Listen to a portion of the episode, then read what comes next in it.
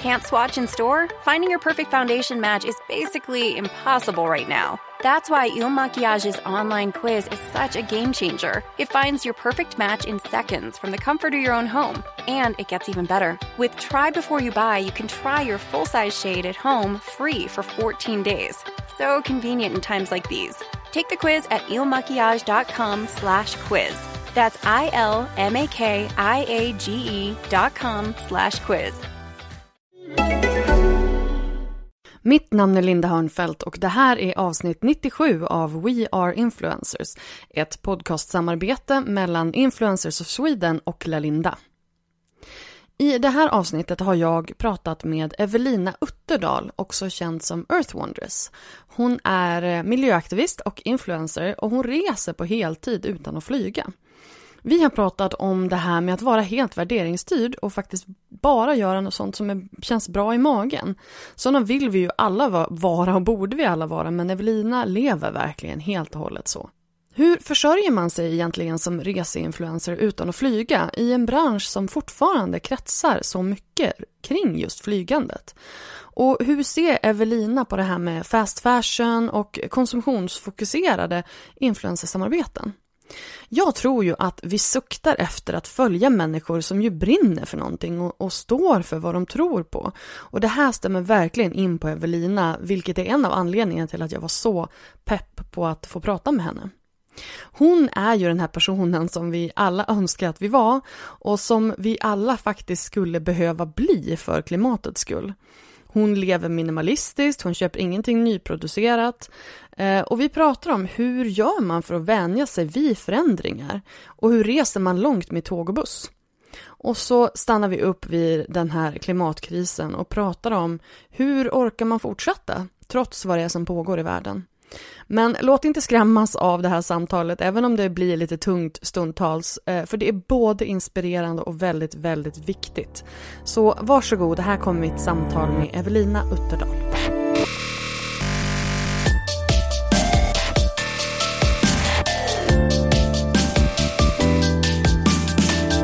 Dina sparade höjdpunkter är bland det första som en besökare ser på din Instagram-profil.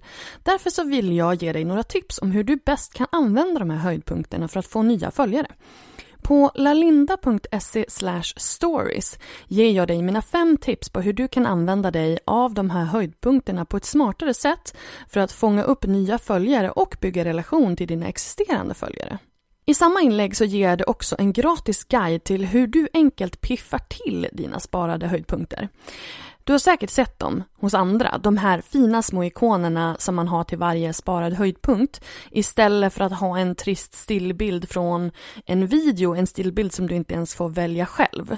På lalinda.se stories så kan du ladda ner min gratis guide till hur du skapar snyggare höjdpunkter.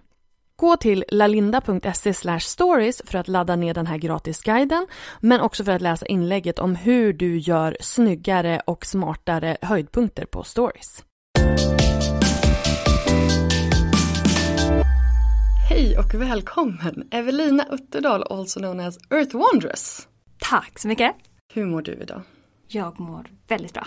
Du är i Stockholm just nu. Det här är ju inte riktigt din liksom, hemmastation så att säga. Var, var hör du hemma någonstans? Eh, Eller var hör du hemma någonstans? Ingenstans eh, skulle jag väl säga. Ingenstans och överallt? Ja, ja mm. det låter kanske lite trevligare. Du vandrar kring jorden? Ja. Berätta. Ja, eh, för sex år sedan så åkte jag på min första soloresa. Och blev helt kär i det här att resa själv. Och började göra det väldigt mycket. Och till slut så kände jag att jag kan inte bara sitta och vänta till nästa resa, nästa lediga tid och sådär. Utan jag tänkte att nej nu får jag våga att be mig ut och resa på heltid. Um, och tänkte att jag får väl jobba på hostels och städa toaletter, liksom vad, vad som än behövs. Um, och sa då att jag skulle jobba i fem månader till och sen skulle jag sticka iväg. Så jag sa upp mig. Sen en vecka senare så fick jag faktiskt ett erbjudande om att börja skriva om resor för ett företag. Så att eh, då löste sig inkomsten i alla fall. um, och så reste jag väldigt mycket och eh, sen i januari 2018 så bestämde jag mig för att sluta flyga efter att jag fick veta hur stor miljöpåverkan flygen hade. Eh, ja, bestämde mig samma dag liksom. Och eh, sen dess så har jag ja, rest med tåg och buss och blivit ännu mer engagerad i miljö och klimatfrågor. Så du reser på heltid fortfarande? Mm, men du flyger inte? Nej. Alls? Nej. Vad är, vad är den längsta resan du har gjort sen du tog det beslutet?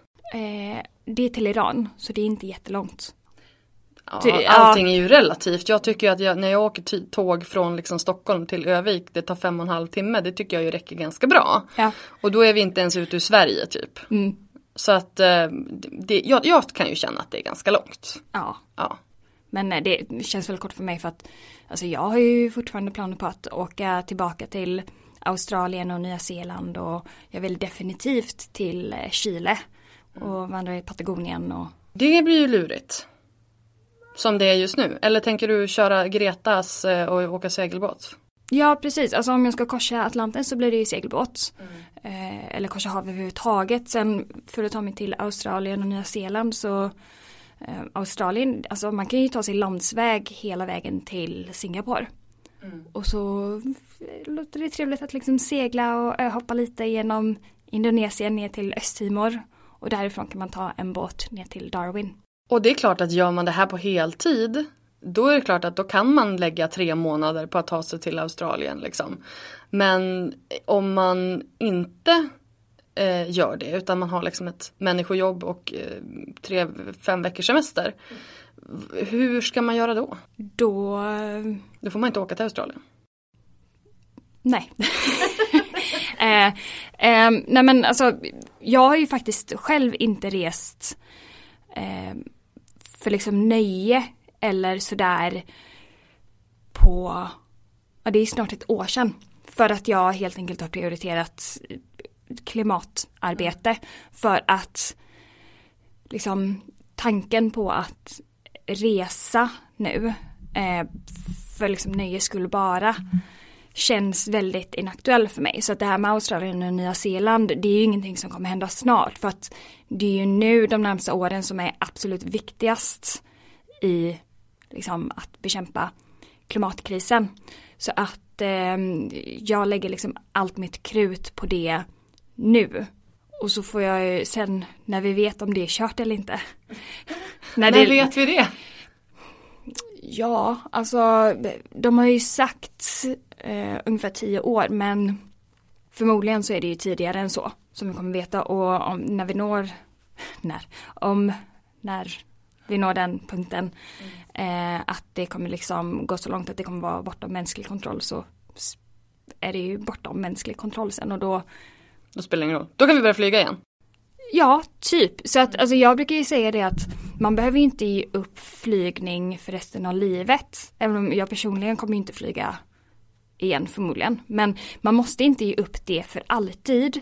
Men om det är någon gång under livet som man ska passa på att inte flyga så är det ju nu de närmsta åren. Och liksom om man bara kan ta ett år eller två så är det ju nu. För att det handlar ju inte bara om utsläppen som planet gör som man åker utan genom att flyga så visar man dels branschen att den här branschen att flyga för nöjes skull funkar alldeles utmärkt och vi bör inte, för jag menar det ökar ju fortfarande, eh, alltså antalet flyg och passagerare fortsätter att öka ganska snabbt. Mm. Eh, så dels så visar man industrin då att det här är helt okej, det här kan vi fortsätta med. Men man visar ju också eh, sina vänner och bekanta att vi kan göra det här. Eh, att man stöttar eh, och faktiskt betalar för den här industrin som är så eh, ja, så dålig för miljön. Du är ju också vegan. Mm. Eh, och det är ju också en, en väldigt stor såklart klimatpåverkan med, med köttindustrin och mejeriindustrin och sådär. Får du någonsin den här känslan att, eller rättare sagt får du den utifrån um, att du är lite så här, att du, att folk blir irriterade för att du ska vara så perfekt? Nej, inte irriterade men jag märker ju att folk eh, känner, då, alltså folk får nästan dåligt samvete bara genom att jag är i rummet. Som bara i, igår när jag var hemma hos min kompis och hennes kille så eh, hade han kommit hem från jobbet och sen så eh, hade min kompis kollat i liksom, påsen för han hade varit handlat. Och så, ja, ah, det ligger ju korv här. Han bara, ja, ah, jag vågar inte ta fram det när Evelina var här. eh, och jag är ju liksom inte, jag är ju verkligen inte så att jag tycker illa om personer för att de äter kött.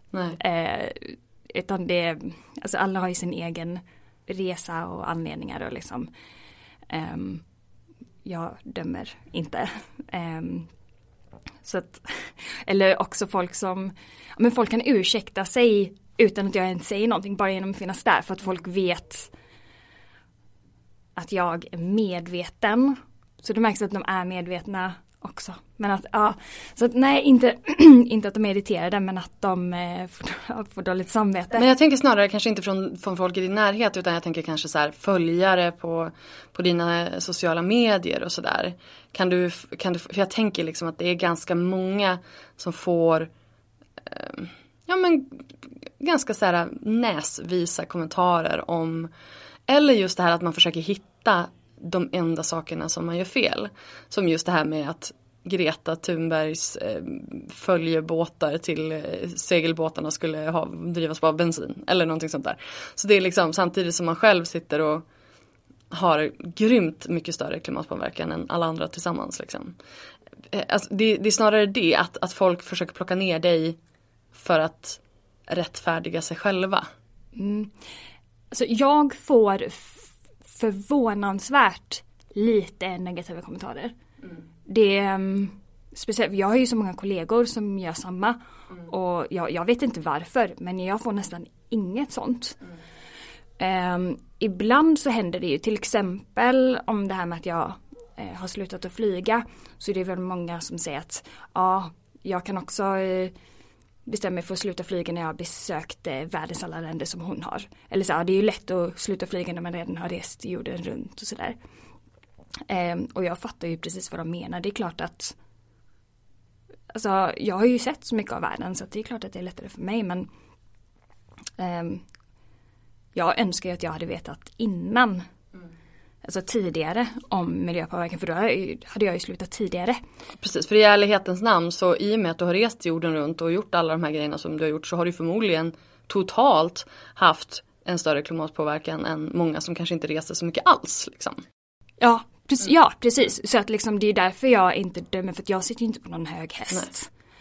Um, sen så har jag faktiskt beräknat klimatpåverkan som de flygen som jag Såklart. Ja.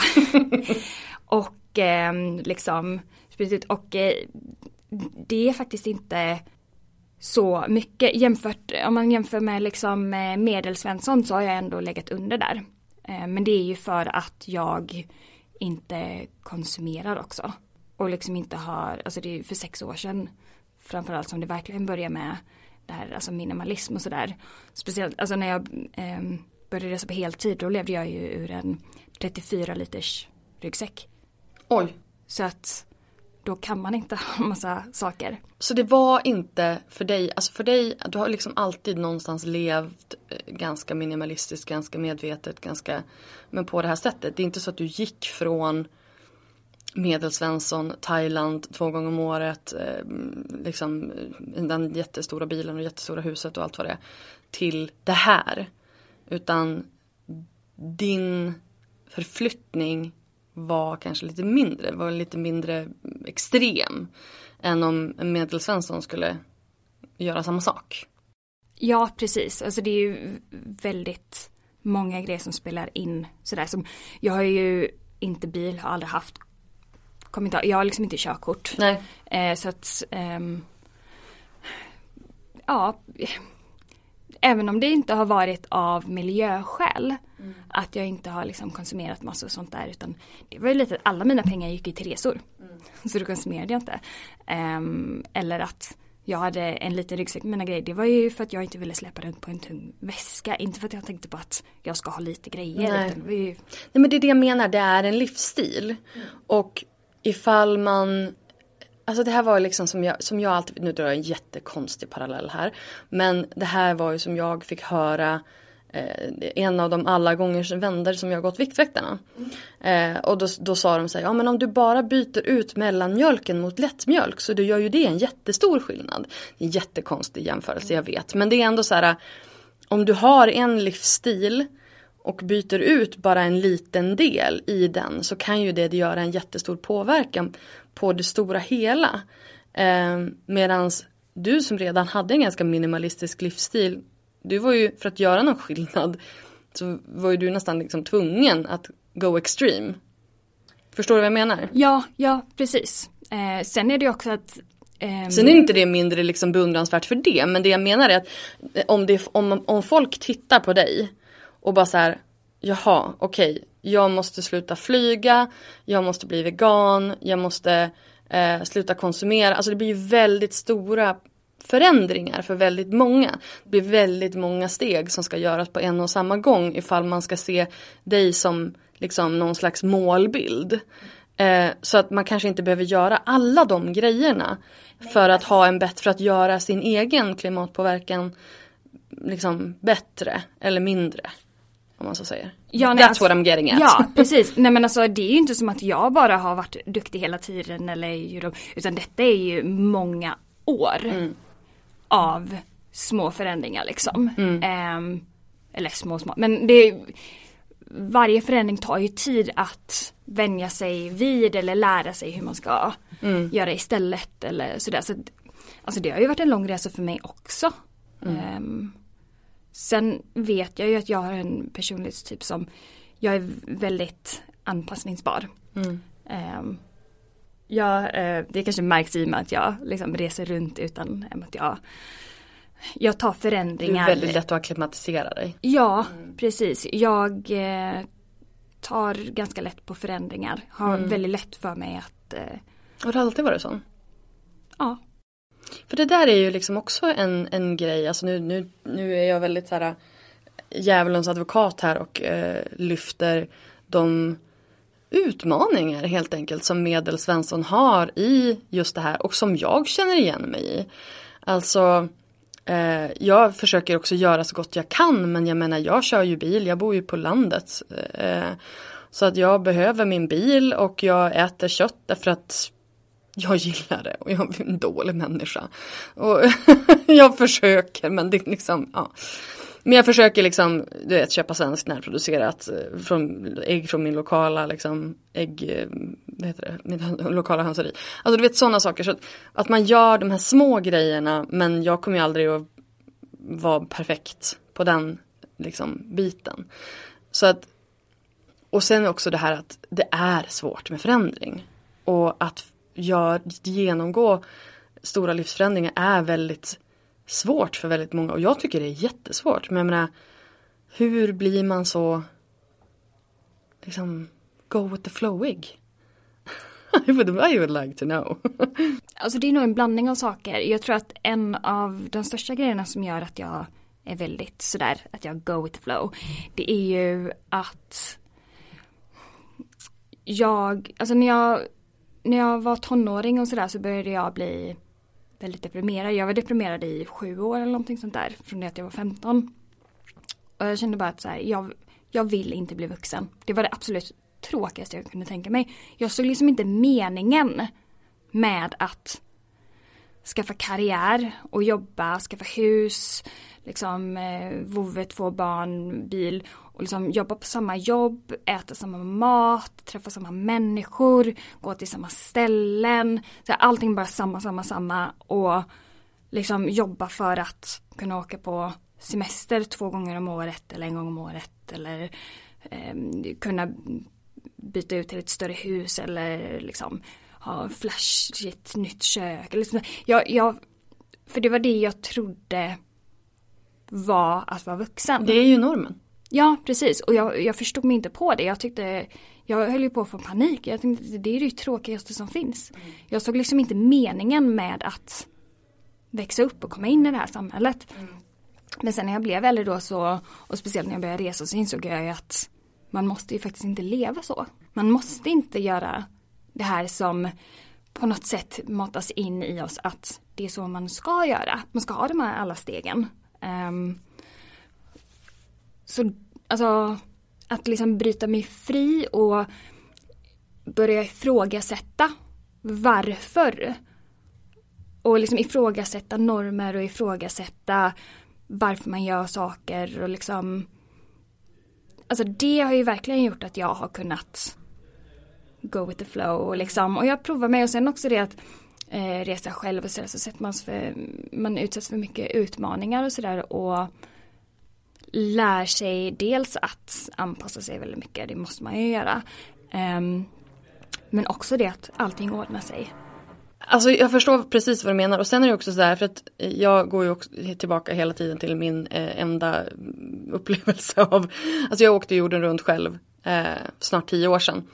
Och det är klart att när man är i det också, när man väl har hoppat utan fallskärm och liksom då är det ju bara att då har man ju nått en annan nivå på något vis och då har man en, en, en ny lägsta nivå för eh, ja, men det här modet eller vad man ska kalla det, alltså just det här hur man tar sig an sin vardag helt enkelt. För den är ju väldigt annorlunda mot om man sitter hemma på sin kammare i sitt hus som man äger och, och liksom går till samma mataffär varje dag.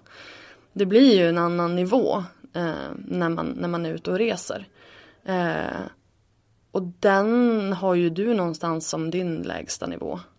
Känner du dig alltid så här Känner du dig alltid så trygg och bekväm när du reser eller känner du, är du liksom orolig någon gång? För vadå? Nej men inte vet jag, för att, för, att, för att det är läskigt att resa själv. För att det kan hända liksom, inte, och nu menar jag inte att det ska här, hända någonting, att, någon, att du ska bli liksom rånad eller någonting sånt, utan bara att det är så här, att det kanske bara är obekvämt att, att liksom, att vara out there. Jag, jag är också lite introvert. Ja. Um, hmm, jag vet inte om jag är det. Um, men det är nog väldigt mycket som jag bara har lärt mig genom att resa själv. För att alltså när jag var barn, då var jag liksom jätteblyg. Det var ju så om eh, vi åt på restaurang så fick jag säga vad jag ville ha till mina föräldrar så fick de beställa åt mig. Mm. Eller om jag och min syster skulle gå och köpa glass så fick hon alltid liksom göra det åt mig. Alltså jag var ju över 20 när jag typ vågade ringa till tandläkaren själv. Mm. Uh, I feel you. så att jag har ju inte alltid varit så här bekväm bland främlingar och sånt utan det är ju väldigt mycket övning. Ja och då måste man ju ha ett mod. För att om man inte vågar ringa till tandläkaren själv och sen helt plötsligt ska ut och resa själv. Det är ju ett jättekliv. Ja. Och det är bara, är bara ja ja. I will just do a little skip and a jump och så sen är vi på väg.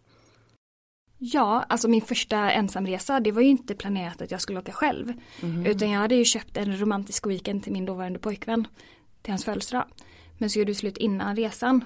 Och då tänkte jag att eh, då får jag unna mig själv eh, den här resan. Alltså det är ändå en poetisk inledning på din liksom, livsresa mm. så att säga. eh, Okej, okay. ja det var ju intressant. mm.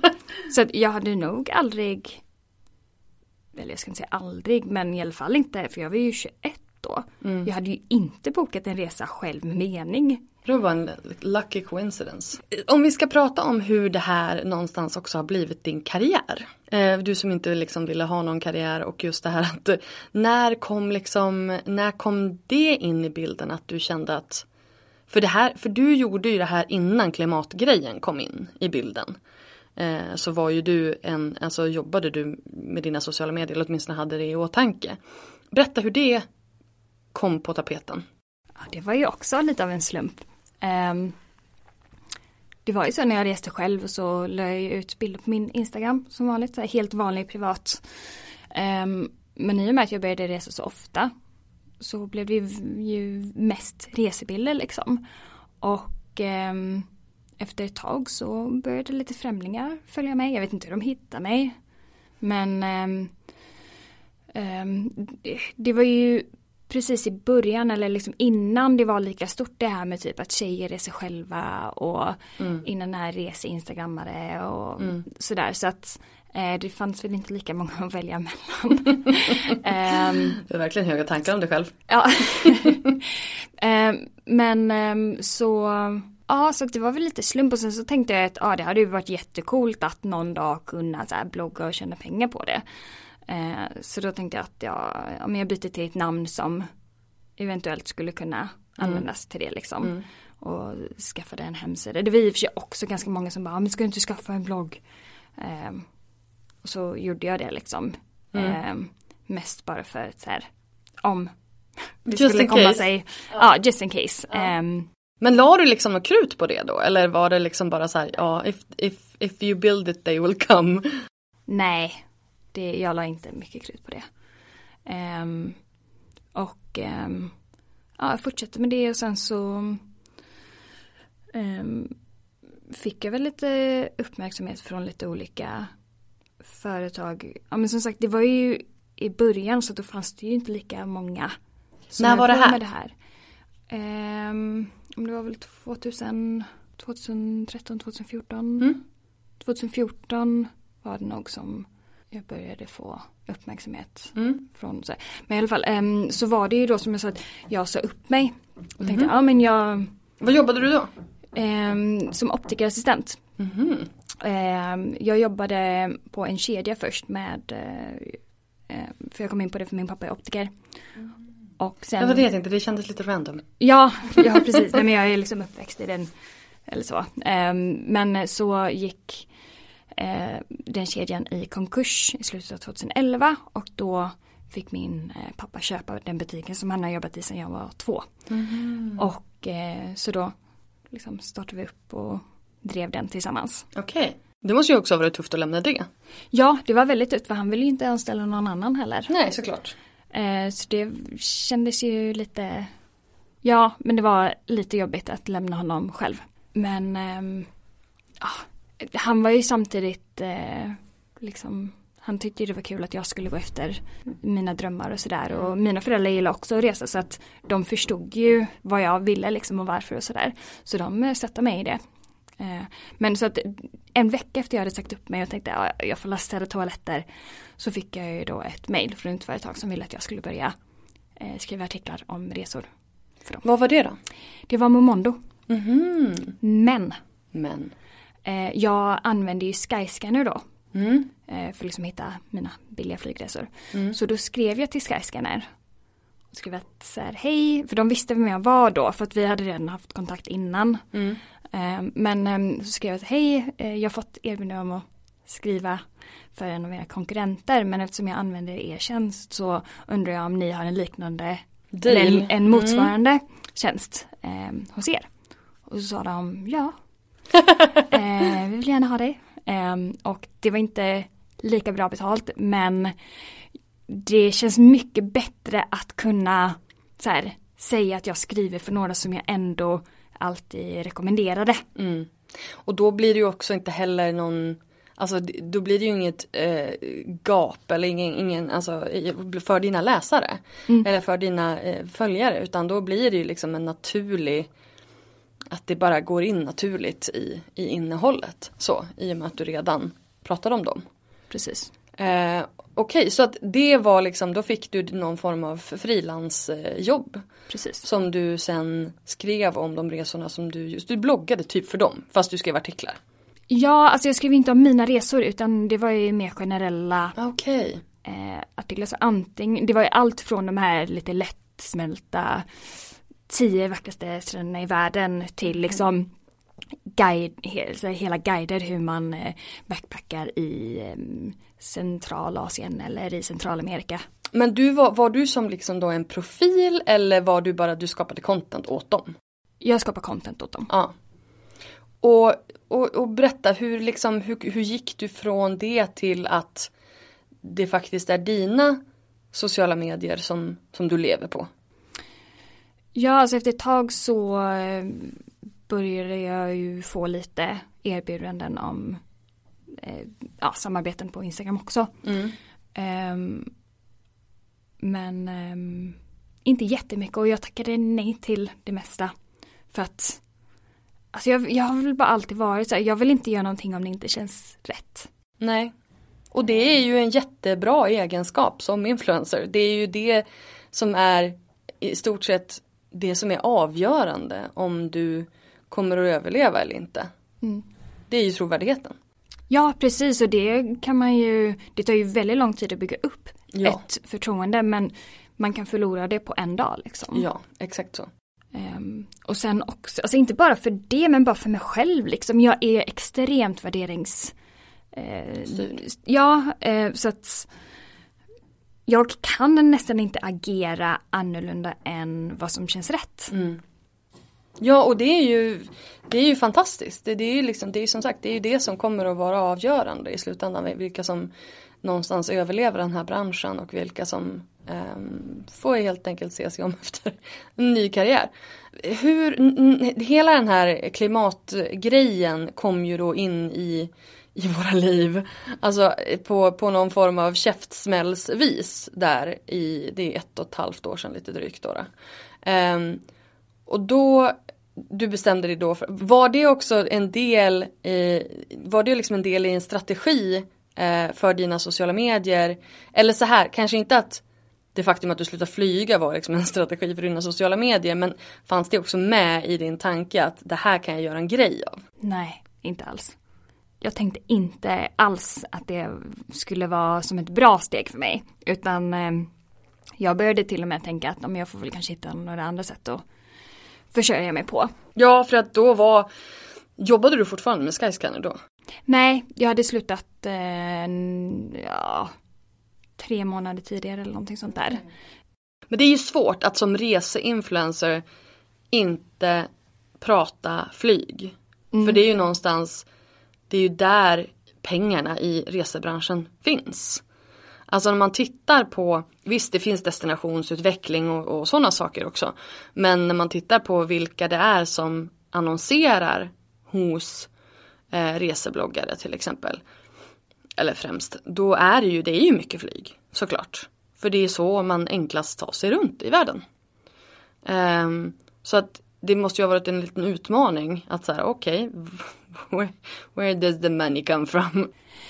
Ja, alltså det kanske inte låter som så här, och det kändes ju inte så då heller som att det var världens bästa eh, move att sluta flyga när man eh, liksom försörjer sig som reseskribent. Eh, men eh, alltså som sagt, jag, jag kunde inte rättfärdiga det för mig själv och jag känner liksom inte att jag kan göra någonting, speciellt inte tjäna pengar på någonting som eh, är dåligt för liksom andra människor. För att människor dör ju redan av klimatkrisen. Det här är ju inte någonting som ligger längre fram.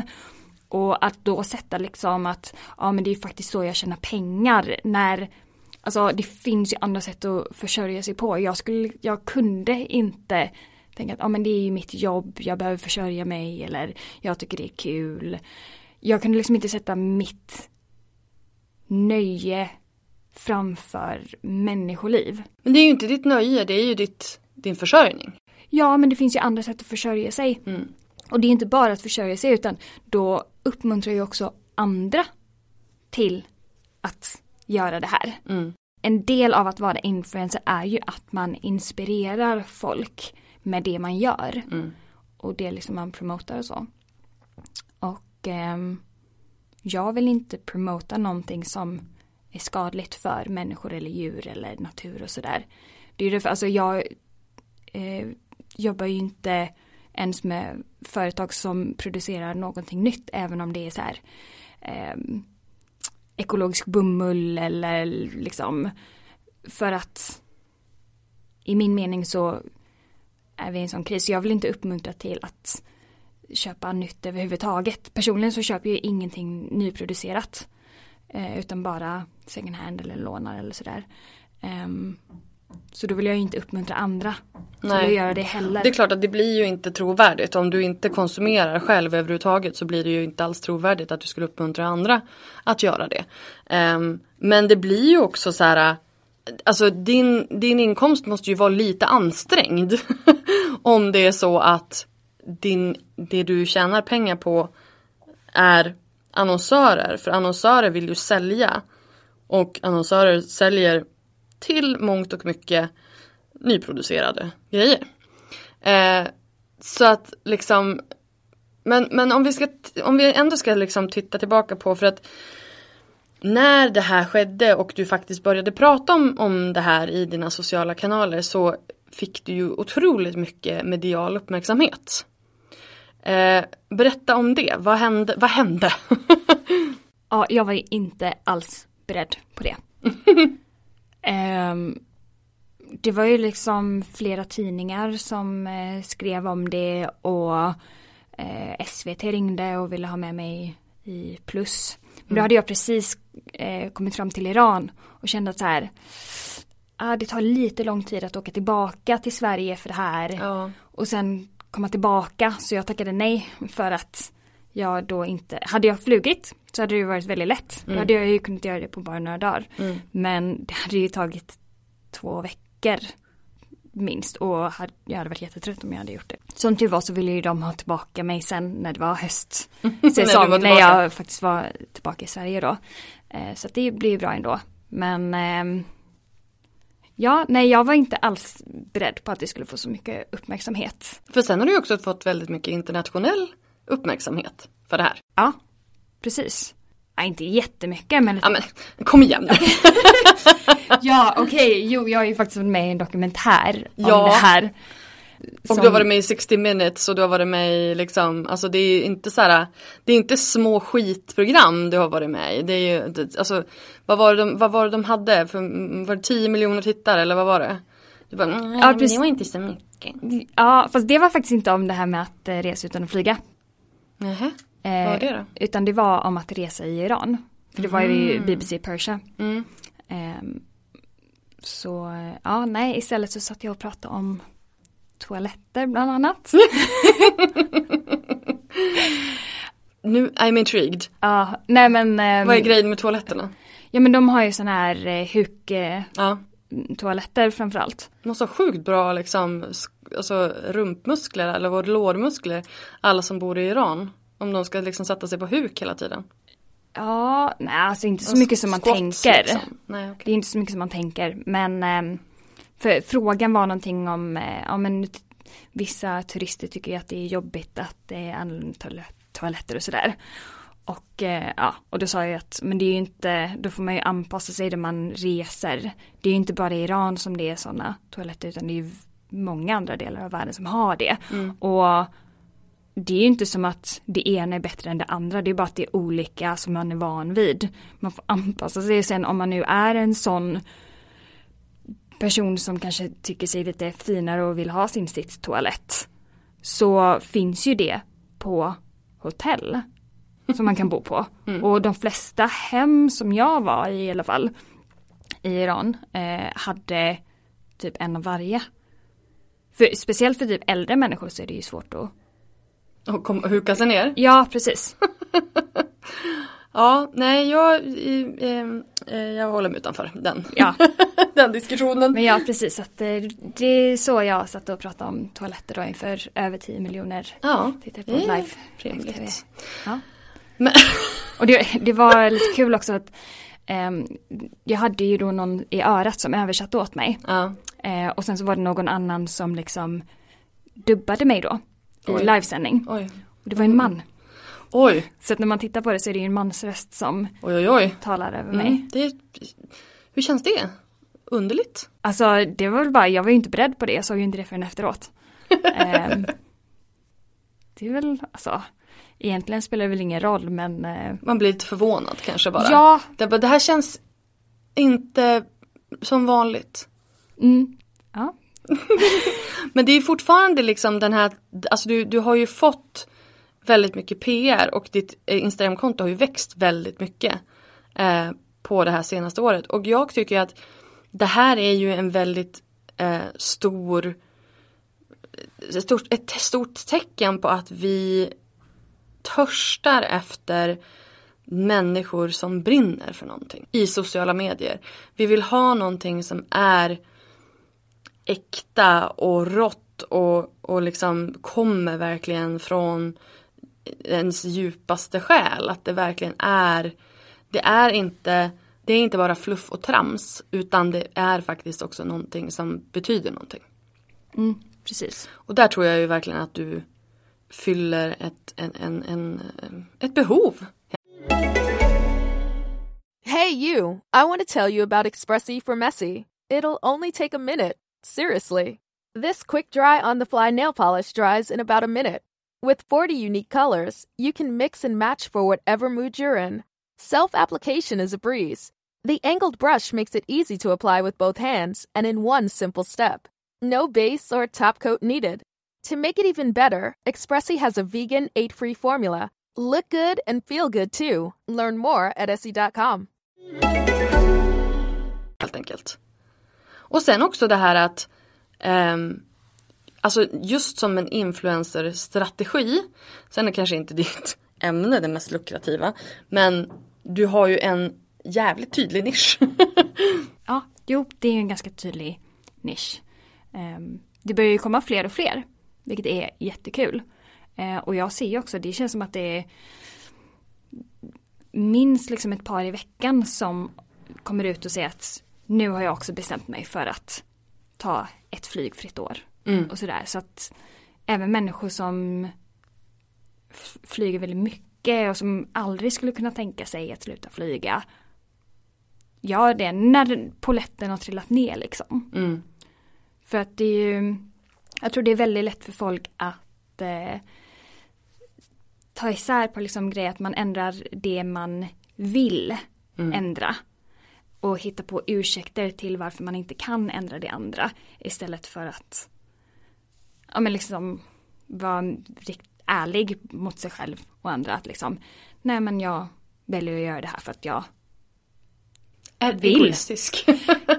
alltså ja men sen tror jag också att alltså många vet ju att klimatkrisen är riktig, att det är illa och sådär. Men jag är väldigt övertygad om att majoriteten har ingen aning om hur illa det är. För att alltså om man vet hur illa det är, då vill man inte flyga, då vill man inte köpa biff, då vill, alltså om man vet hur illa det är så blir nästan allt annat irrelevant. Hur illa är det då? Eh, ja, ehm, det är så pass illa att jag kommer inte att vilja skaffa barn. För att jag vet vilken framtid som ligger framför dem. Och jag skulle inte klara av den alltså ångesten och vetskapen om vad de kommer behöva hantera. Precis. Är det kört? Um, alltså det finns ju fortfarande hopp. Men ibland så har jag dagar där jag känner att det är kört för att människor vill inte veta för att de är mer rädda för förändringarna mm. mot en hållbar livsstil eller ett hållbart samhälle. De är mer rädda för förändringarna och obekvämligheterna av att behöva lära sig nya grejer och ändra sitt beteende än vad de är för effekten av klimatkrisen. Jordens undergång mer eller mindre. Alltså ja. är det inte det vi måste börja kalla det? Alltså, för jag tror så här, klimateffekterna, det är så här, ja, men då kommer ju 99% att sitta, ja ja men det kommer inte hända oss. Och väldigt mycket av det hela är ju inte vi här uppe i Norden direkt påverkade av. Det är ju ifall Golfströmmen går åt skogen, då är, har vi ju lite pyrt här uppe. Men i övrigt liksom översvämningar, eh, alltså jordbävningar. Torka. Eh, torka, alltså där, där har vi ändå haft det ganska, alltså det är inte så, visst vi hade en jobbig sommar förra året men den var inconvenient, den var inte liksom Irreversible. Ödestig Nej, Exakt, precis. ödesdiger. Den var inte ödesdiger. Nej, alltså svenskar dog ju inte av det. Nej. Men alltså det var ju en väldigt liten smak Alltså det var ju ett smakprov av vad som komma skall för att man såg effekterna av att det inte gick att odla lika bra. Mm. Och alltså det är ju det som kommer, vi under våran livsstil kommer att uppleva eh, matbrist. Mm. Och av allting som kommer så är ju just matbrist typ en av de saker som skrämmer mig mest. Mm. För att det är ofta då som människor blir desperata och Shit hits the fan. ja, precis. Så att ehm, ja, och sen bara en sån grej att ehm, för jag känner, jag, väldigt många är ju så att de måste bli direkt påverkade för att de ska bry sig eller inse att det är riktigt och så. Men för mig bara vetskapen om att eh, liksom barn och kvinnor framförallt som är mest eh, utsatta i det här eh, har redan dött och liksom tvingas fly sina hem och sådär. Det räcker för mig att liksom vilja göra allt jag kan och vi till om 30 år ungefär så räknar man att det kommer vara mellan 200 miljoner upp till en miljard människor som lever som klimatflyktingar för att de inte kan överleva. Och om man ska sätta de här siffrorna i perspektiv 2015 när vi hade den här eh, flyktingkrisen då var det en miljon människor som, var kom, som, kom, Som kom hit. som kom till Europa. Ja. Och det lamslog ju hela eh, kontinenten liksom. Det var en miljon som kom hit. Eh, registrerade i alla fall. Och nu snackar vi alltså 200 miljoner upp till en miljard. Och var kommer de ifrån? Var kommer de att vara? Ehm, ja det är Vilka är det som ligger mest pyrt till? Ehm, det är alltså runt ekvatorn Mm. eh, framförallt. Men jag vet att liksom Västsahara Mm. eh, ligger illa till och även östra sidan. Ja men alltså, och alla önationer Mm. som kommer ligga under vatten liksom. Mm. Ehm, så mm, de måste ju ta vägen någonstans. Och det, jag är ju väldigt rädd för att det kommer ju bli så att många länder som då har det bättre kommer ju att eh, få bygga upp alltså fysiska eller liksom eh, bildliga murar. Och det skrämmer mig oerhört mycket av att liksom behöva stänga ute folk. Ja, jag tror ju att tyvärr så det kommer ju inte att bli Främlingsfientligheten kommer ju inte att bli mindre Nej, av det här liksom. Utan det kommer ju att bli väldigt så här var man för sig själv. exakt. Ehm, och det är ju jävligt läskigt. Ja, men det har vi ju bara sett de senaste liksom, tio åren här i Sverige. Ja. Att liksom individualismen Ja. har ju ökat något så fruktansvärt och ehm, ja, jag tycker det är så sorgligt. Det är fruktansvärt sorgligt. Men okej, jag känner att vi måste bara gräva oss ur det här hålet lite, lite, lite grann. Because Nu sitter vi också i ett helt mörkt rum som är så här, eh, det ska vara ljudisolerat, det är inte riktigt det. Men det är ljuddämpat i alla fall och det är liksom det är helt svart och det hänger liksom en lampa ovanför oss så att vi är som ett, i ett förhörsrum. Eh, Det är ganska dystopiskt, dystopisk stämning. Ja, vi kommer nog sitta så. i en liknande situation om sådär 30-40 år. Ja, men då sitter vi istället i någon form av eh, vad heter det? skyddsrum. Ja, precis. Nej, nu ska jag inte. Eh, Alltså, Men, men så här, för du, vi, vi pratade om det här lite grann tidigare innan vi började spela in och då, eh, då sa du att du är pessimistisk till, till hur, where we're going. Men att du ändå kämpar vidare och jag är lite så här, hur ger man inte upp? Jag kan inte göra annat än det som känns rätt. Det är liksom, vad, vad skulle jag annars göra? Nej men alltså, för jag får ju liksom, när, när, jag, jag, jag, jag får ju en, en otroligt påträngande känsla av liksom desperation, ångest, eh, uppgivenhet. Och att i den känslan, för att det jag måste göra då det är ju att antingen ignorera den och bara fortsätta som vanligt. Eller bara så här lägga mig ner i upp. Och, och där i det att försöka ta sig an en verklighet där man inte fortsätter som vanligt utan man någonstans acknowledge det faktum att det här händer. Så att man måste liksom ta in den verkligheten. eh, omvandla den till, ja men, till agerande i sin egen verklighet. Istället för att bara så här, äh, sätta på skygglapparna och låtsas som ingenting. Det är ju jobbigare.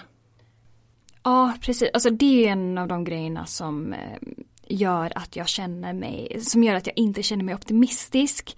Det är att så många människor lättare sätter på sig skygglapparna än att faktiskt vara, alltså känna obehaget och göra om det till agerande. Men jag förstår det. Jag förstår dem.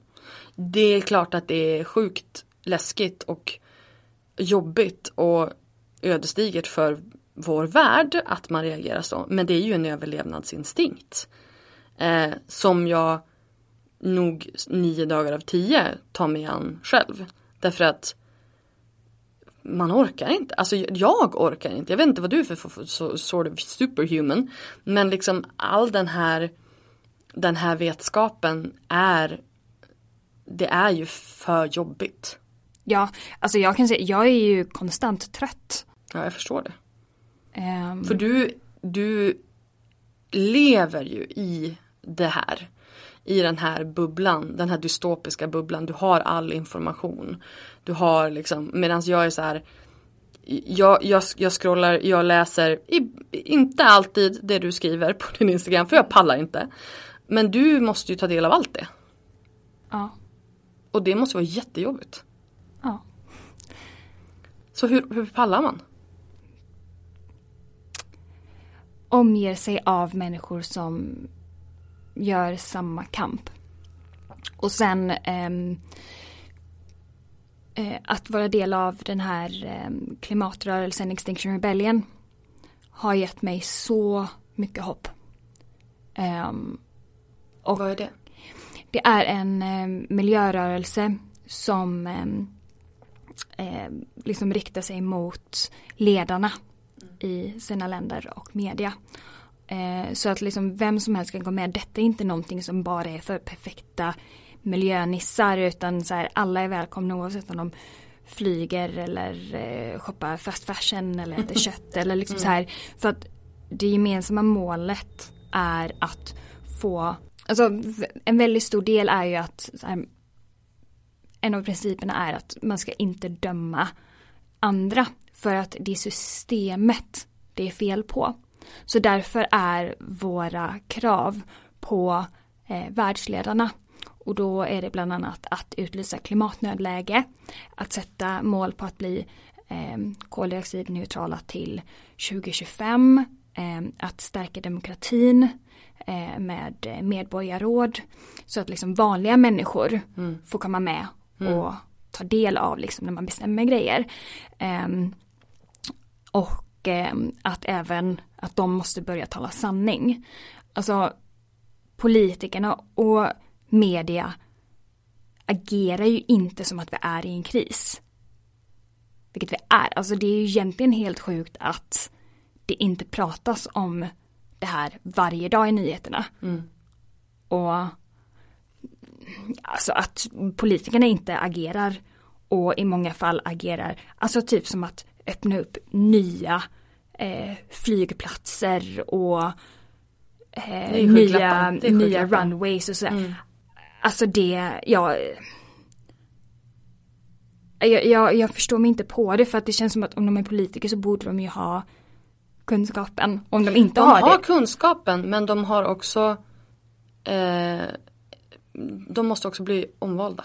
Ja precis, alltså det är ju det som är så dumt med just hur vår politik ser ut för att deras karriärer beror ju på hur omtyckta de är, alltså hur populära de är. Och om liksom något parti skulle komma ut och säga att ja, japp, vi är i en kris, vi måste så här eh, köttskatt, vi måste så här, vi ska flyga, vi måste göra det här, det här. Då är det ingen som kommer rösta på dem för folk vill inte att liksom, politiken ska påverka ens eget liv. Um, inte det negativa i alla fall. Nej, precis. Vilket ju det här är kortsiktigt. Exakt, det är kortsiktigt. Mm. Eh, och eh, ja, så att det Ja, jag det, förstår. Det, det, det, är inte, det är inte enkelt. Nej. För i så fall hade det vi gjort det redan. Precis, och sen så har vi ju också, så vi lever ju i ett system där eh, på något sätt det ses som att målet är att ha väldigt mycket pengar. Mm. För att, ja, vad man nu vill göra med dem, men eh, att ha pengar i överflöd. Eh, och då blir det också att folk röstar utefter själviska val. Eller utifrån vad de tror är bäst för eh, liksom landets ekonomi eller eh, Alltså vi vill ju ha vårt för... välstånd. Vi vill, ja, ju inte, vi vill inte släppa vår välfärd liksom. Nej, eh, och det, det verkar som, alltså om vi inte fixar klimatkrisen så kommer ingen annan fråga att spela någon roll. Nej. Eh, för att om vi inte fixar klimatkrisen så kommer ju systemet att kollapsa mm. förr eller senare. Så att, ehm, Då kommer det bli anarki bara, bara för att liksom folk ska överleva. Ja. Mm. Så jag tror framförallt att väldigt många svenskar känner att det ligger så långt bort för att vi ligger ju inte i farozonen men det gör vi. Mm. Hur så? Ja men alltså det har man ju sett med bränder och att det kommer bli svårt att och det kommer ju bli så då alltså med tiden så kommer ju länder att isolera sig mer och mer för att kunna ja, ta hand om sina egna och sådär. Och vi kan ju inte odla hur mycket som helst. Och just i och med att klimatet kommer vara så instabilt mm. så kommer det bli svårare också att odla. odla. Mm. Ja. Det blir väldigt negativt här känner jag. Alltså grejen är ju att det finns fortfarande hopp. Det är ju det men frågan är liksom hur vi ska nå till folk. Alltså hur vi ska få folk att faktiskt agera. Politikerna kommer inte göra någonting om inte alla människor bara ställer sig upp och liksom Hallå, Ja, och det kommer de ju inte göra därför folk är ju bekväma. Och folk vill inte offra sin, sin livsstil för en... Det, alltså, och det är det här som är grejen. Att vi kommer ju inte att ändra oss förrän vi måste. Och vi måste inte än. Alltså vi har inte... Det är inte... Alltså, det är, du förstår vad jag menar. Ja. Det är inte akut i min vardag. Precis. När jag går ut på gatan här i Stockholm så ser det ut precis som vanligt. Mm, om, om jag skulle liksom se att det liksom, att det brann eller att folk eh, sprang på gatorna och var galna och liksom plundrade eller alltså om jag såg det så skulle jag tro det. Men allting är ju som vanligt. Mm. På, en vardag, på en vardaglig basis så är ju allting som vanligt. Och det är ju det är därför tror jag som det är så svårt att ställa om. Därför att det är lite grann som nu säger jag inte att, alltså det, det är lite så här, tror du på Gud? Nu säger jag inte att Gud och klimatkrisen är samma sak för att, ja, jag behöver inte ens förklara det. Men återigen, om du inte ser det så, så finns det inte i ditt liv. Mm. Och att det brinner i Amazonerna är inte det är, det är för långt bort, det är för abstrakt. Ja, det bidrar till vårat, vår syresättning i världen men det är så här, det, det, är så här, ja fast jag andas ju. Så att, it's fine.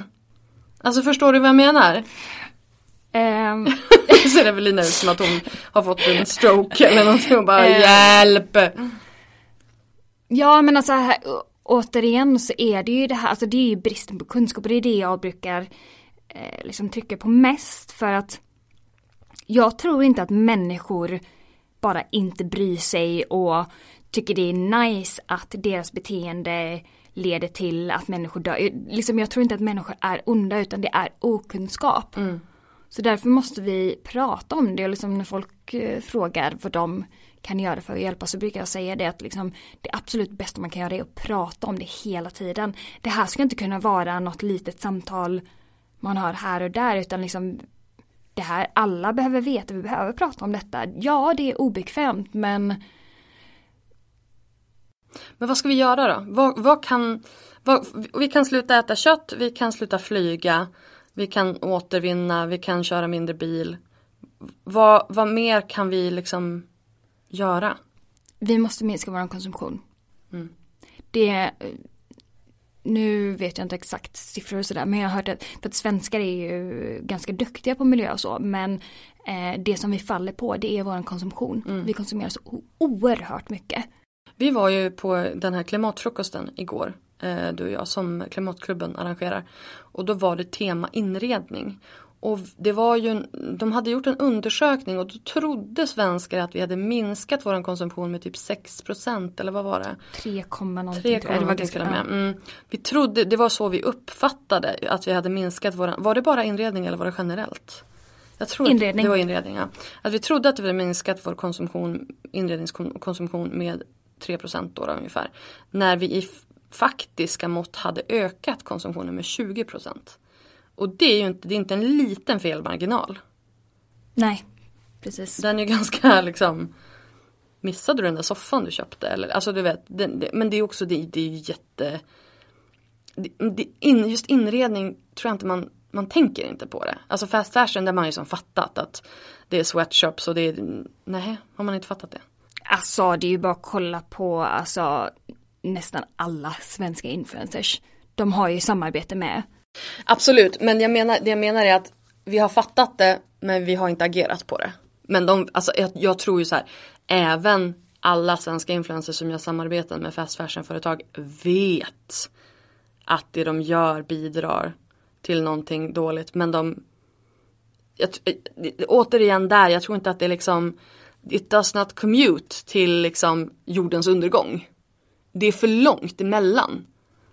Men vet, man vet, vi vet ju att fast fashion är dåligt. Vi vet att det är liksom eh, Ja men alltså att varje plagg du köper det, det, det är material och det är eh, kemikalier och det är frakt och det är arbetsförhållanden och alla de här grejerna vi vet ju att det är så. Men vi rycker på axlarna och tänker att äh, det är nog inte så farligt. Men vi vet ju. Eller? Du ser helt så här chockad ut nu. Ja men då blir jag ju jätte ledsen. Förlåt. Nej men alltså Alltså fast fashion det är ju modern slaveri. Alltså köper man kläder från, ja men typ H&M eller Sara och sådär. Så är det alltså människor som inte får tillräckligt betalt för att kunna överleva med basics. Alltså Alltså det, det är ju slaveri. Mm. Eh, och människor som på riktigt lider av det här. Mm. Och du menar alltså att de som jobbar med de här företagen vet om det? Men ändå... Alltså jag har svårt att tro att man inte vet det. Men hur kan man göra det? Återigen, det, det är så långt bort. Och det är, jag, jag tror att man jag vet inte om man bara inte lägger ihop två och två eller eller vad det är. Gud du ser verkligen ledsen ut nu. Ja. Nej men det är alltså plagget man köper är ju en människa som har sytt. Mm. Den det... människan som har hållit i det här plagget mm. lider. Och ja, jag vet inte, jag tror att jag är ganska godtrogen. Alltså Ja och nej eller vad, alltså, vad jag vet inte vad jag ska säga. Alltså det, godtrogen, jag tror att Jag tror att det inte Man kanske inte tror att det är så illa som man har läst. Mm. Man kanske tror att ja, men det var ju bara en fabrik. På de andra kanske det är bättre. Mm. Um, man kanske tänker att och jag menar Sen är det också en sak, arbetsförhållanden är en sak. Sen tror jag kanske inte att man tänker att det är slaveri men att det är dålig lön. Men det är det väl alltid liksom eh, developing countries eller du vet så. Alltså man, man, man kommer med ursäkter. Mm. Helt enkelt. Det är nog inte så illa. Ja. Även fast man förmodligen vet. Ja. Liksom deep down så vet man. Men när man går in i butiken och det är Allting är uppradat så fint och allting är liksom så glammigt och det är fina reklamfilmer och det Nej, Nej alltså det är ju så, alltså marknaden, marknadsföring görs ju för att vi ska vilja Såklart. köpa det här. Såklart. Och vi ska glömma, vi ska ju inte tänka på människorna som har suttit och sytt det här. Eller liksom, så ja, alltså vi är ju bara människor och marknadsföring funkar ju väldigt bra just för att det är så mm. utstuderat mm. hur man ska nå till folk. Um, och få dem att göra som man vill. Som man tjänar pengar på. Men det här är ju också det här är ju en väldigt intressant diskussion just för att vi befinner oss i en bransch, den här podden har intervjuat väldigt många av de här personerna som, som gör de här samarbetena. Och vi befinner oss i en bransch som där det rör sig, där det, som, som handlar väldigt mycket om konsumtion. Det handlar väldigt mycket om annat också. Jag, blir, jag får verkligen krupp när, när folk är så här, bara, det handlar bara om att köpa grejer. Mm. Det gör det inte. Det gör det inte. Det, det, det finns otroligt mycket hjärta och, och, stöd och fantastiska människor i den här branschen som gör bra saker och bidrar med bra värderingar och, och jag vet inte, själslig mm, liksom, föda. Oh, ja. eh, till, till liksom både följare och kollegor som vi är och sådär. Men, men det är klart att det rör sig väldigt mycket liksom, produkter. Det, det är väldigt mycket konsumerande och det är så eh, majoriteten av influencerbranschen tjänar pengar. Det är ju annonsörer och där är det konsumtion. Mm. Och då blir ju min fråga, hur fan tjänar du pengar? um, ja, alltså jag har ju ett deltidsjobb där jag bloggar om hållbarhet. För ett företag som heter Go Climate Neutral. Mm. Som investerar i förnybar energi. Mm. Och um, då är det så att antingen som privatperson eller för företag så eh, betalar man varje månad för att kom, liksom klimatkompensera för hela sin livsstil. Så det är liksom inte att man eh, gör det för att liksom gottgöra utan eh, det är ju del av min eh, roll i det här. Mm. Att jag bloggar för att kunna ge eh, liksom redskap för att folk ska kunna minska mm. sina utsläpp. För att vi vill ju aktivt att folk ska minska mm. sina utsläpp. Så att ju mindre utsläpp man har ju mindre betalar man och sådär. Mm. Men ehm, det är ju en väldigt bra grej för då får man ju också någon form av väldigt, alltså ett kvitto literally mm. på hur mycket man påverkar. Eller mm. hur mycket, hur mycket ill, dålig eller bra på, påverkan man har. Liksom. Eller vi har ju alla en negativ påverkan, miljöpåverkan. Men ja, den, den är mer eller mindre dålig. Så att mm. säga. Eh, så att det är, ju, det är ju en jättesmart grej. Ja, alltså det är fantastiskt och det känns lite som att det är det minsta man kan göra liksom. Mm. Eh, och det är inte så dyrt heller. Som många kanske tror. Mm. Men vad, vad, vad, skulle liksom en, en om, om en gemene Svensson skulle eh, klimatkompensera sin livsstil, vad skulle det kosta i månaden? Vet du det? På ett ungefär, mellan tumme och pekfingret. Eh, kanske 100 kronor. Asså? Ungefär. Inte mer än så? Vad sa du, vart signar man upp sig för det här? Because I need this. Go climate neutral. Go climate neutral. .org. .org, okej. Okay. Snedstreck blogg. om man vill läsa mina. Ja. Och jag har ju skrivit extremt mycket om eh, just eh, mode då. Mm. Um, om man vill läsa mm. mer om det, för det är kanske vissa som lyssnar som undrar varför jag reagerar så starkt på det här med fast fashion. Ja. Um, då kan man gå in där och mm. Men bloggar du på Earth Wanderers också eller har du, är det, är det ingen um, aktivitet där? Det, det, har varit väldigt lite aktivitet men jag kommer börja nu igen för att nu så kommer jag ha ett samarbete med Irländska turistbyrån. Mm. Um, så då kommer jag ju nu. Jag För lämnar, du ska till Irland? Det, precis. Ja. Uh, och väldigt intressant då och väldigt kul är att de vill specifikt att i det här blogginlägget som jag ska göra mm. så ska jag ha med en guide hur man kan ta sig från Norden till Irland utan att flyga. Mm. Det känns så skönt att branscherna börjar inse detta och att de vill komma med information mm. till sina mm. eh, liksom, kunder och sådär mm. att det faktiskt går. Um, Hur tar man sig till Irland då? Um, du, för du ska ju åka en liten omväg. Ja, Eller är det den rimligaste vägen som du kommer åka? Nej, nej jag ska en omväg för jag ska på en eh, pressrelease i Berlin på tisdag. Um, så det blir ju en liten omväg. Uh, I vanliga fall så brukar jag ju åka Köpenhamn, Bryssel, London. Tåg. Precis, ja eller nattbuss till Bryssel. Mm. Och sen tåg från Bryssel till London och då mm. går ju den eh, under vattnet, mm. under kanalen. Eh, och sen så får man ta tåg uppåt. Och sen så får man ju tyvärr ta en färja över. Mm. Och sen, ja, tåg För jag ska ju till Nordirland. Mm. Så att det blir liksom London och så upp. Nu vet jag inte exakt vart det är jag ska ta färja ifrån. Men så till Någonstans i Skottland. Eller åker du från England? Du åker inte från Skottland? Nej jag åker från England. Mm. Och så till, ja men typ Manchester någonstans Mm. kanske. Och sen färja över till Dublin och sen tåg upp. Mm. Och hur lång tid kommer det här att ta? Eller hur lång tid skulle det ta ifall man åkte direkt? Ehm, till till ehm, Göteborg till London brukar ta mellan 21 och 24 timmar. Det är inte så farligt ändå. Nej, alltså man brukar, även om man reser, man brukar ta så här en resdag. Ja, exakt. För jag menar som sagt, ska jag åka härifrån, nu är, för nu är, är, är vi i Stockholm.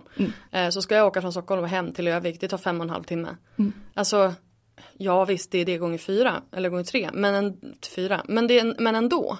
Det är ändå inte liksom, det är inte två veckor. Nej, nej. eh, alltså jag, jag tror att många tror att det är värre än vad det är. Mm. Eh, och om man inte vill ta en nattbuss, vilket jag fattar att vissa kanske tycker det är obekvämt, man sover inte ändå, Mm. det är så här, då kan man ju ta ehm, en tågrutt istället, Köpenhamn till Hamburg. Då kan man stanna i Hamburg, en fantastisk stad. Mm. Eh, passa på att se där, stanna i ett par dagar. Eh, sen kan man åka till Köln. Stanna där någon dag eller två, också jättefint. eh, och så därifrån. Tyskland har jag uppenbarligen sett för lite av. Ja, Tyskland är ju jättefint. Eh, men och sen eh, tåg till Bryssel och sen till London. Och hur, hur ställer sig eh, tågresandet prismässigt mot flygandet? Det måste bli sjukt mycket dyrare. Inte nödvändigtvis, det går att få billigt. Mm. Jag tror att det bästa priset jag har betalat från, alltså nu räknar jag från Köpenhamn. För att jag minns inte riktigt. Eller det beror ju på hur man tar sig till Köpenhamn. Men Ja. jag brukar räkna därifrån för det är där det är lättast att hitta rutter ut i Europa. Eh, men jag tror 300-400 kronor för nattbussen till Bryssel. Mhm. Och sen eh, om man tar tåg så är det billigaste jag har fått eh, 25 pund. Så ja, typ 300 300 spänn. 300 spänn. Så alltså 600-700 spänn För att ta sig till London. från Köpenhamn. Ja. Det är inte farligt alls. Men då ska man ha tur. Men man kan också ta buss från Bryssel till London. Men det tar väldigt mycket längre tid. Väldigt mycket billigare. Det kan Ja. man ju få för, för typ 150 spänn. Oj, det är ju väldigt billigt. Ja, två, ja 150 till 200 spänn. Så att eh, det går. Alltså jag gillar ju ändå det faktum att i en, eh, i en bransch där det är väldigt mycket flygande, det är ganska mycket glorifierande av flygande fortfarande, vilket jag inte riktigt Ja. förstår. ehm, så är det ändå, åtminstone i min filterbubbla, eh, väldigt många som i sommar har åkt på tågluff Ja, runt omkring i Europa. Mm. Eh, och det tycker jag är så himla ljuvligt. För att det ser också jäkligt nice ut. Alltså just själv att resan, mm, här, råklyschigt, resan blir en del av målet. Eh, att, eh, ja men just det här att man får ju se otroligt mycket mer. Och att man då också får göra det genom deras ögon. Vilket ju också är fräsigt. Ja, ja absolut. Ehm, sen tror jag också väldigt mycket i det här, alltså jag har märkt det själv och alla jag har pratat med som har slutat att flyga säger det att här, vi uppskattar att resa mycket mer. Och det blir ju så att om det nu blir lite kämpigare att resa så åker man bara dit man måste eller verkligen vill. Nu är det för lätt. Nu kan man liksom, för så gjorde jag för när jag var yngre. Då kollade jag liksom den här månaden billigaste resan. Aha okej, ja, men då åker jag till eh, Budapest den här månaden för att det är billigt. Eller så här. Det blir liksom att man kämpar och då njuter man mer av det. Det är som jag brukar jämföra det med att om man står på toppen av ett berg och har en fantastisk utsikt så njuter man mer om man har vandrat upp än om man har liksom åkt upp med en gondola. Absolut. Jag tror att väldigt många svenskar tar för givet att resa. Jag tror att väldigt många svenskar tror att alla flyger. Mm. Eh, men alltså det är ju väldigt många svenskar som inte flyger alls. Eh, för att de inte har råd. Mm. Eller liksom inte har den semester. Bara en sån grej som att vi svenskar har betald semester som gör att vi kan åka. Mm. Och att vi har råd, vi har ett pass som gör att vi kan åka typ var som helst. Mm. Det är sånt som så många tar för givet. Så att, ja, jag tror att det skulle vara bra för folk att få kämpa lite. Alltså, vi människor gör ju allt för att bli mer och mer bekväma. Mm. Vi blir mer och mer lata och ogillar obekvämligheter. Så ja, jag tror att vi börjar ta så himla mycket för givet. Då blir det liksom så att om man får kämpa för det så njuter man mer av det, man tar det inte för givet. On that note. jag vet inte riktigt hur vi ska avsluta det här. Ja. Något eh, hoppfullt. Har du något peppigt? Tre tips för att rädda klimatet. um, men jag tror att en sak är att många tror att de förändringarna som man kan göra för ett hållbart liv eh, skulle liksom minska livskvaliteten. Men alltså i verkligheten så ökar det livskvaliteten. Alltså väldigt mycket. Um, Hur då? Ja men bara en sån grej att sluta se sin lycka till konsumtion. Mm. Börja istället värdera liksom, ja, med tid med vänner eller upplevelser och sådär. Um, eller att uh, bo mindre eller bo tillsammans med andra. Jag menar, vi har ju flest singelhushåll per capita i världen. Mm. Och vi har ju en epidemi av ensamhet. Folk mår ju jättedåligt. Japp. Japp.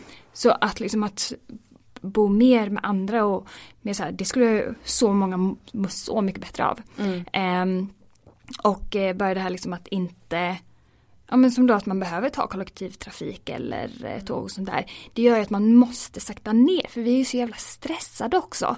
Eh, dels för att vi jobbar så mycket för att tjäna mer pengar men om man går tillbaka och liksom slutar då kom, konsumera så mycket så behöver man inte lika mycket pengar. Nu tänker jag ju på de som är väldigt privilegierade, inte ja. de som lever eh, liksom på minimum. Där. Men eh, så om man då inte behöver köpa lika mycket så behöver man inte lika mycket pengar. Då kan man jobba mindre. Då får mm. man mer fritid att spendera liksom med sånt som man tycker är kul, hobbys och sånt där. Mm. Eh, och eh, Ja men bara det att leva på ett sätt där man vet att det inte går emot ens värderingar. Man har liksom inte dåligt samvete för att man gör saker som man vet är dåligt egentligen. Mm. Um, det är en fantastisk känsla att veta att man lever som man lär och att man kan stå för allt det man gör. Mm. Um, för jag vet ju innan så här, jag gjorde grejer som jag visste var dåligt men jag gjorde det ändå. Mm. Uh, men att verkligen kunna känna att jag står för allt jag gör. Jag vet att liksom, hade fler levt som mig så hade det varit en bättre värld. Alltså det är en fantastisk känsla att kunna veta att man gör gott. Mm. Liksom. Och, um, ja, så um, ja, jag tror att väldigt många tror att man får ge upp väldigt mycket men um, ser inte att man får någonting annat istället. Och att det i många fall kan vara bättre. Uh, men det är ju så, alltså förändring uh, och liksom bara kunskap för att kunna göra förändring. Det kräver tid, det kräver energi och nu håller vi på att jobba ihjäl oss. Mm. Så att jag fattar att folk inte har tid, alltså småbarnsföräldrar, jag fattar inte hur de får ihop tiden och har energi liksom. Jag förstår att de inte pallar. Ja, jag förstår att de inte har tid att eh, liksom leta upp vilka alternativ som är bäst eller mest miljövänliga. Eller så. Mm, det är därför vi behöver andra som bestämmer åt oss. Ja, precis. Mm.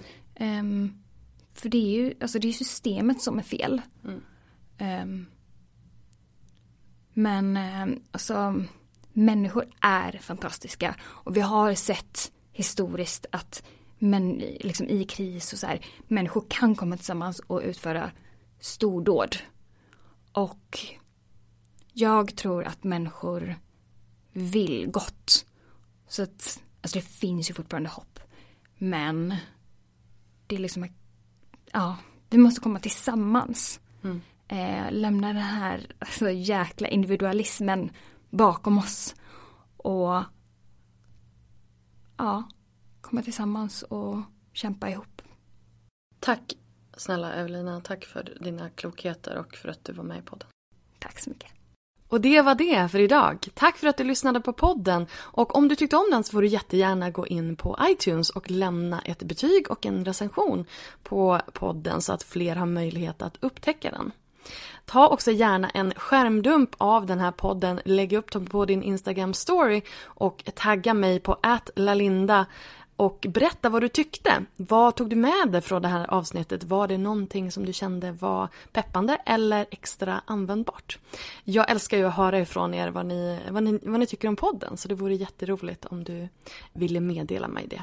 Glöm inte heller att eh, följa mig på Instagram på @lalinda och du hittar mig även på min blogg på lalinda.se. Tack för att du har lyssnat. Hej då!